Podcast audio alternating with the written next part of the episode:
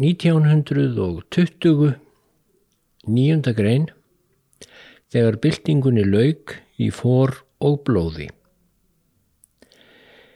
Hinga til hef ég rifjað upp í þessari röð af flækjusögum um atburði ársins 1920, borgarastríðið í Rúslandi, uppgang Hitlers í nazistafloknum Þíska, glæpaöldu vegna bannárana í bandaríkjunum, réttarhöld gegn anarkistum Vestanhafs og kvikmyndagerð á þvísa ári. En nú er röðin komin að Mexiko.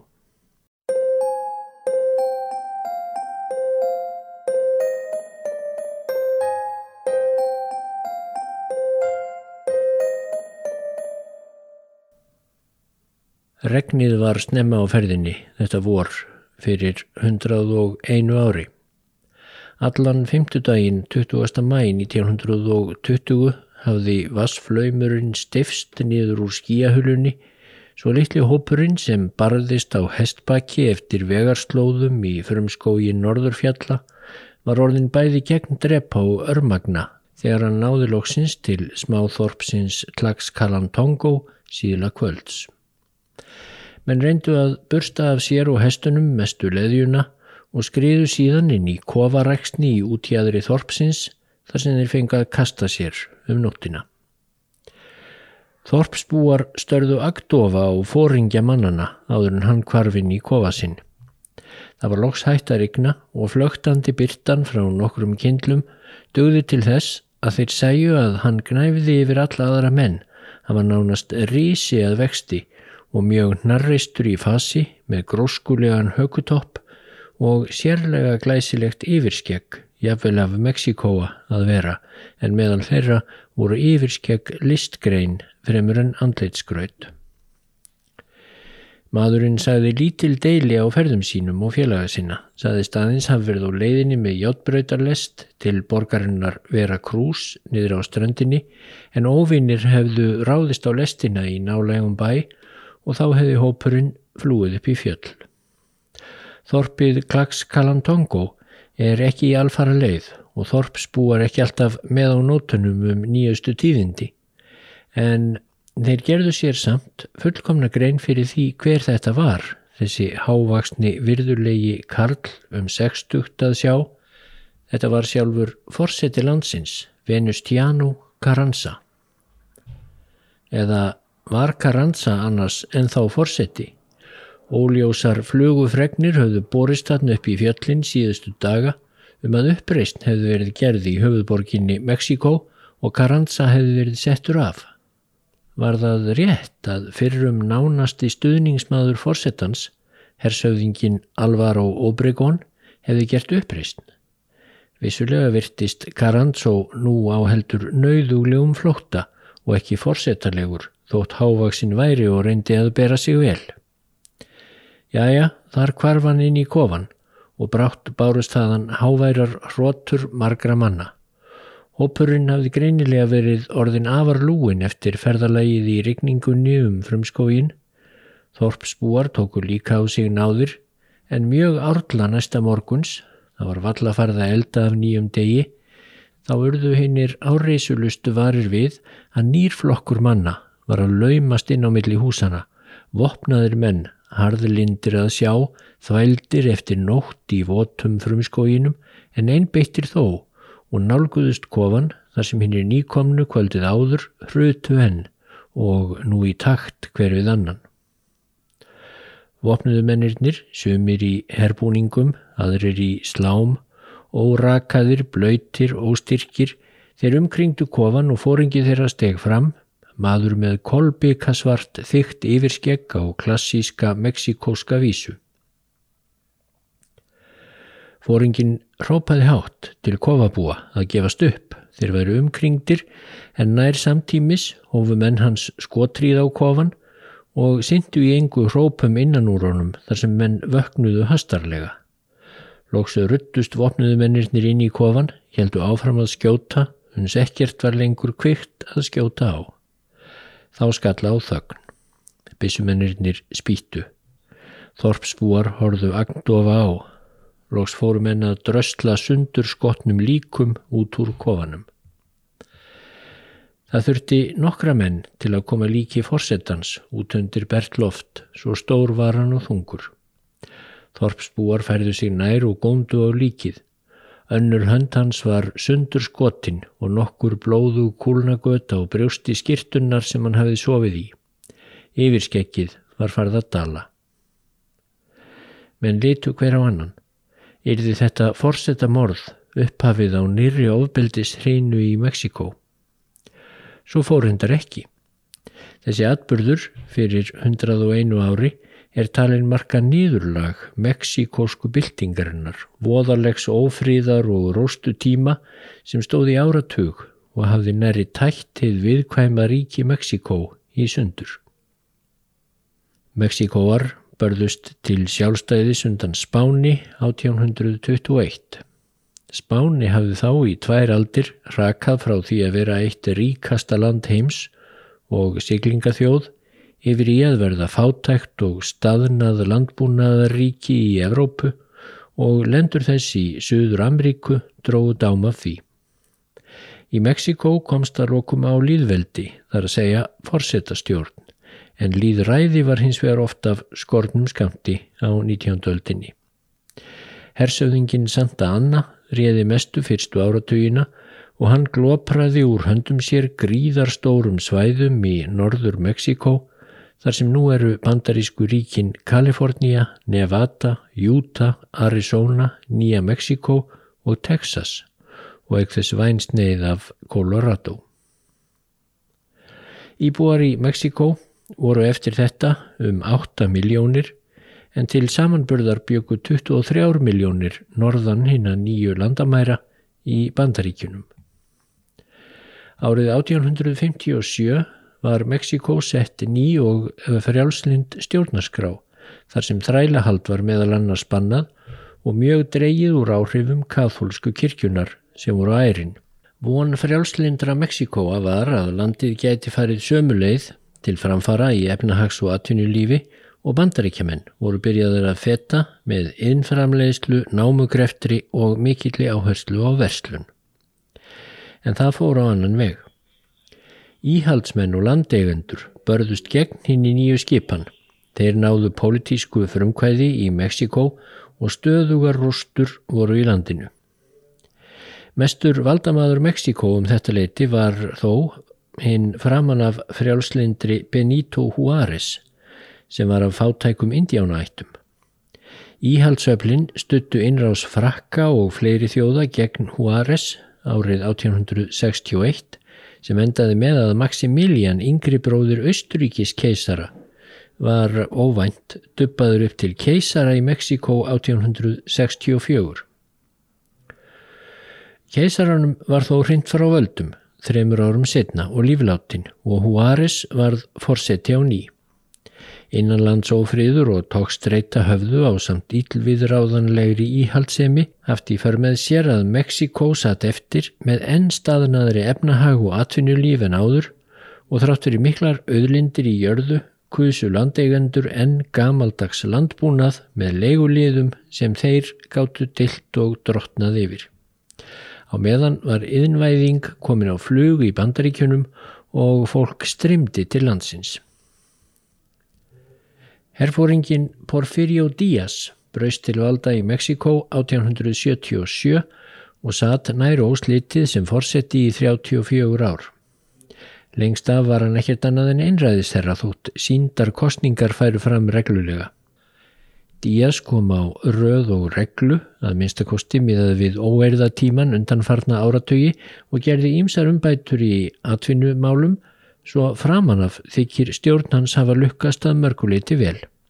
Erlendir fjárfestar tóku að dæla einn fjö og samgöngur stór bötnuðu með hjáttbröytarlagningu um landið allt. Námugröftur hófst að loks fyrir alvöru.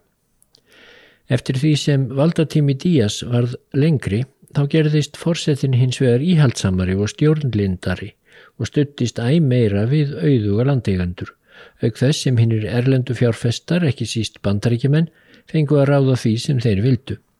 Alþýðan satt enn á hakanum. Stöðnun á flestum sviðum enkendi enn samfélag og atvinnuhætti. Kirkjan eldist að nýju og lagði sína venjulegu lamandi hönd yfir allt. Árið 1910 dró hins vegar til tíðinda. Þá bjöku 12 miljónir manna í Mexiko en til samanburðar voru þá 96 miljónir í bandaríkjunum. Díaz var orðin áttræður og hafi lengi gefið í skín að hann myndi draga sér í hlýja. Hofsamur umbótamaður af forríkri yfirstjett, kornungur maður að nafni Francisco Madero var þess albúin að taka við eftir forsetakostningar. Það fór á annan veg. Á síðustu stundu ákvað Díaz að bjóða sig fram að nýju. Hann fangelsaði Madero og með útbreyttum kostningasveikum vann hann yfirburða sigur að nafninu til. En þarna gekk Díaz oflánt. Þann 5. oktober 1910 krafðist Madero þess að úrslitt kostningana yrðu að engu höfð. Díaz hliti að víkja. Eftir mikil uppþótt og kræmandi uppreysnum allt að land sagði Díaz loks af sér í mæ 1911 og nokkru síðar tók Madero við forsetæmbættinu. Óhættir að segja að Madero allir vonbreyðum í hverju húsi. Hann virtist híkandi og hægfara og ekki vita í hvaða fótan ætti að stíga. Þann róttæka eða íhaldsama. Gremja óks í landinu og margir óttuðust borgarastríð. Með stuðningi Evrópustórvelda og fráfarandi fórseta bandaríkjana hrifsaði Roskin hersöðingi að nafni Victoriano Huerta völdin í februar 1913 og Madero var myrtur. Það er reynda rétt að taka fram að atbörðir þessar ára voru töluvert floknari en hér hefur verið und að rekja og fleiri koma við sögu en þetta yfirlitt dögarvonandi. Hvað sem því líður þá hefðu Huerta sem kallaður var Sjakalinn og menn hans reiknaði dæmið alrangt þegar þeir ímynduðu sér að uh, valdarán þeirra myndi koma á friði. Nú fyrst var það allt vittlust. Woodrow Wilson, nýri bandaríkjaforsetti, neytaði að styðja Huerta og þegar Evrópustórveldin sáu gríðarlega andúðarbilgju rýsa gegn Sjakalanum þá dróðu þau líka stöðningsin við Huerta tilbaka allsherjar borgarastríð braust út og fjórir menn urðu brátt mest áberandi í hópi andstæðinga Huertas. Auðugur landeigandi og hófsamur umbótamaður, Venustiano Carranza, landstjóri, hann taldi sig sjálfkjörun til fórustu og bjóð svo vel að hinn kæni herfóringi Alvaro Obregan kom til liðsviðan. Obregan hafi búið við fátækt í æsku en var þó í raun af millistjett. Hinnir byltingarfóringjarnir tveir voru úr alþýðustjett. Annar þeirra, Pansjó Vía frá norðurhjörðunum, var að vísu fyrst og fremst litríkur hérraðshöfðingi sem naut mikils persónufylgis, hinn var Emiliano Zapata. Zapata var leiðtogi smábænda og landbúnaðarverkamanna í hinnum harðbíla söður hluta Mexiko og hafi vonast eftir stuðningi Maderos við málstað þeirra gegn stórlandeigendum og bröskurum. Strax og Madero hafi náð völdum fordæmdan hins vegar zapatista sem svo voru kallaðir sem rétta og slétta bófa. Eftir að Huerta rendi völdum þá tók Zapata höndum saman við Carranza, Obregon og Panjovía um að koma Huerta frá. Huerta rendi að höfða til þjóðurnishyggju og kallaði sig brimbrjót gegn ásælinni bandaríkjumanna úr norðri en allt kom fyrir ekki. Sumarið 1914 tapaði herr Huertas nokkrum mikilvægum orustum gegn herjum Obregans og Vías og hann varð að segja af sér og fara úr landi. Bildingarmenn rósuðu sigri og Carranza tókaði sér forseta ennbættið þótt hann kallaði sig fyrstu árin primer chef eða æðsta fóringja. Zapata vildi þó ekki lýsa yfir stuðningi við Carranza sem fóringja nema hann tæki skilirðislaust undir sínarkröfur um róttækar umbætur í landbúnaði, útbyttingu lands til fátækra og margt fleira. Pancho Villa lísti sig sammála Zapata og saman tókuðir Mexikoborg í desember 1914. Borgarastríðinu var greinilega langt í frá lokið. Um tíma virtust tvímenningarnir Vía og Zapata hafa öll ráð byltingarinnar í hendi sér. Það slettist þó fljótt upp á vinskap þeirra. Zapata fannst Vía hafa meiri áhuga á æfintýramennsku og gleiðgósahætti en raunverulegri þjóðfélagsbyltingu og mikið var til í því. Pancho Villa nöyt allra ratikli mjög og hafði sérlega gaman af að leika sjálfan sig fyrir bandaríska kveikmyndatökumenn frá Hollywood. Hann var stóri í sniðum og mikill sláttur á honum einlegt og hann veitti bladamannum fræga John Reed fræg viðtöl þar sem hann kom ætið fram sem nokkur skonar hrói höttur sem stitti og verndaði fátæklinga gegn arðráni og ofbeldi. Það var vissulega ekki alveg fjari sanni, frekar en með marga mafjósa en allt og margir litu í hrifningu sinni á hinnum geistlandi byltingarleðtoga fram hjá hinni grimdarlegu æð sem bjó líka í Panhjóvíja. Zapata fekk allt jænt nóg af Víja. Hann kvarf á brott frá höfuborginni söður í land þar sem hann hófst handa um að koma á fót þeim um bótum sem hann og menn hans hafðu alla tíð talað fyrir. Obregon gekk svo á holm við Zapata með sitt herlið og Carranza árið 1915 og vann afgerandi sigur þótt hann misti sjálfur hægri handleggi í bardaga. Vía átti þá svo fá að hermin eftir að hann varð að grípa til skæruhernaðar en með takmörkuðum árangri. Þegar bandaríkjumannum fannst hann vera farin að ókna sveitum norðan landamærarna þá sendu þeir herlið undir stjórn John Persings hersöðingja til að refsónum en bandaríkjumenn náðu víja aldrei þráttur er eftirleit í norður héröðum Mexiko í sjö mánuði samfleitt. Þegar bandaríkjumenn hófu svo þáttöku í fyrriheimstyrjöldinni á útmánuðum 1917 þá var Persing kallaður burt og sendur til Evrópu. Óbregan var þá ennmættur til að þjarma að víja og nú ákvaðs á síðanemdi að hefna sína á íbúum bæjarins Nami Kvípa sem honum fannst hafa svikið sig. Víja réðst með mönnum sínum inn í bæin og þar sem flestir karlarnir höfðu flúið let hann smala konunum saman í rétt og þar skipaðan mönnum sínum að nauðgaði möllum kerfisbundið aftur og aftur. Áratugin á eftir var þessi atbörður aldrei látin skikja og hetju ljóman af Panhjóvíja, enda bara um ónemdar kvensniftir að ræða.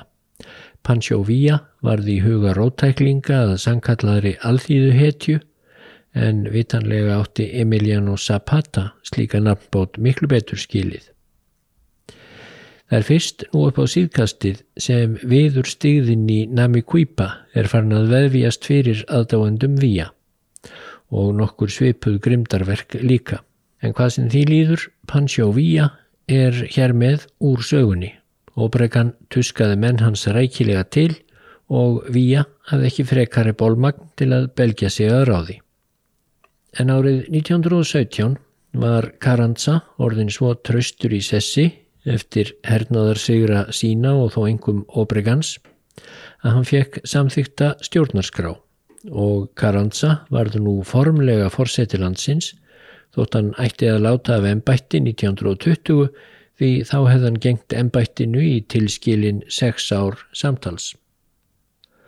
Obregon dró sig í hlje og bjóst ekki við öðru en Carranza myndi í fyllingu tímans styðja hann til forsetta. Inni í stjórnarskrána 1917 voru tekin ímis róttæk barattumál sem runnin voru frá Zapata og Villa og stöðningsmönnum þeirra. Í rauninni var stjórnarskráin tölvert róttækari en Carranza hefði viljað því hann var jú fyrst og fremst af íhaldsumum stór landegendum en hann let sig hafa það að samþykjana svo hann geti orðið óumdildur forsetti. En sumum fannst þó að Carranza væri fljótlega farin að grafa full mikið undan stjórnarskráni og róttækustu umbótamálum hennar. Og allt jænt helt Carranza áfram baráttu gegn Vía og þó engum Zapata. Hann lagði fétt til höfuðs þessum fyrirverandi baráttufélaga sínum en það taldi fórsetin að verkamenn og bændur yrðu sér alltaf ótryggir meðan Zapata væri á lífi. Þann 10. april 1919 tókst að leiða Zapata í gildru og hann var skotin á færi. En árið 1920 hafði Carranza verið fórseti í sex ár og átti sem sagt að láta af ennbætti. Hann lísti þá stuðningi við lítt þekktan diplomat sem arftaka sinn Ignacio Bonías og vonaðist til þess að Bonías sem hafði starfað í sendiráði Mexiko í Washington myndi bæta sambúðina við Wilson bandaríkjaforsetta en hún var orðin helst til slæm af mörgum ástæðum. Þarðu ekki taldi Karansa mikilvægt að einhver annar en herfóringi úr byltingunni tæki við stjórnartaumunum. En hans gamli félagi Alvaro Obregon reyttist þessu ákaflega en það hafði hann stemt markvist að forsetta tegn eftir að Karansa léti af störfum. Hans gamli vopnabróðir hafði hins vegar lengt og ljóst unnið gegn þeim metnaði Obregons síðustu árin. Carranza hafði til dæmis svift Obregon hersöðingjategn sinni og nokkrir af stuðningsmönnum Obregons voru drefnir sakaður um uppreysnar áform. Obregon og menn hans voru brátt sannfærður um að Carranza ætlaði að fara sömuleið og Porfirio Díaz hafði gert oft og hætta við að hætta á síðustu stundu. Í byrjun apríl þókaðist herr Obregons af staða til Mexikoborgar gegn Carranza.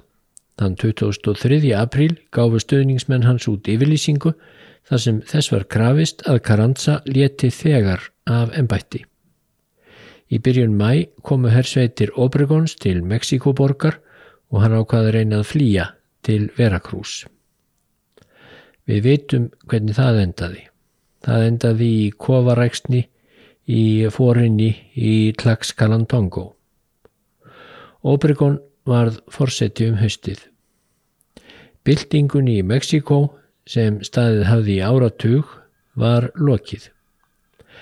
Reyndar skall ekki á neitt fríður til langframa, ó nei, og félagslegt réttlæti, það jógst ekki neitt, en það er önnur saga.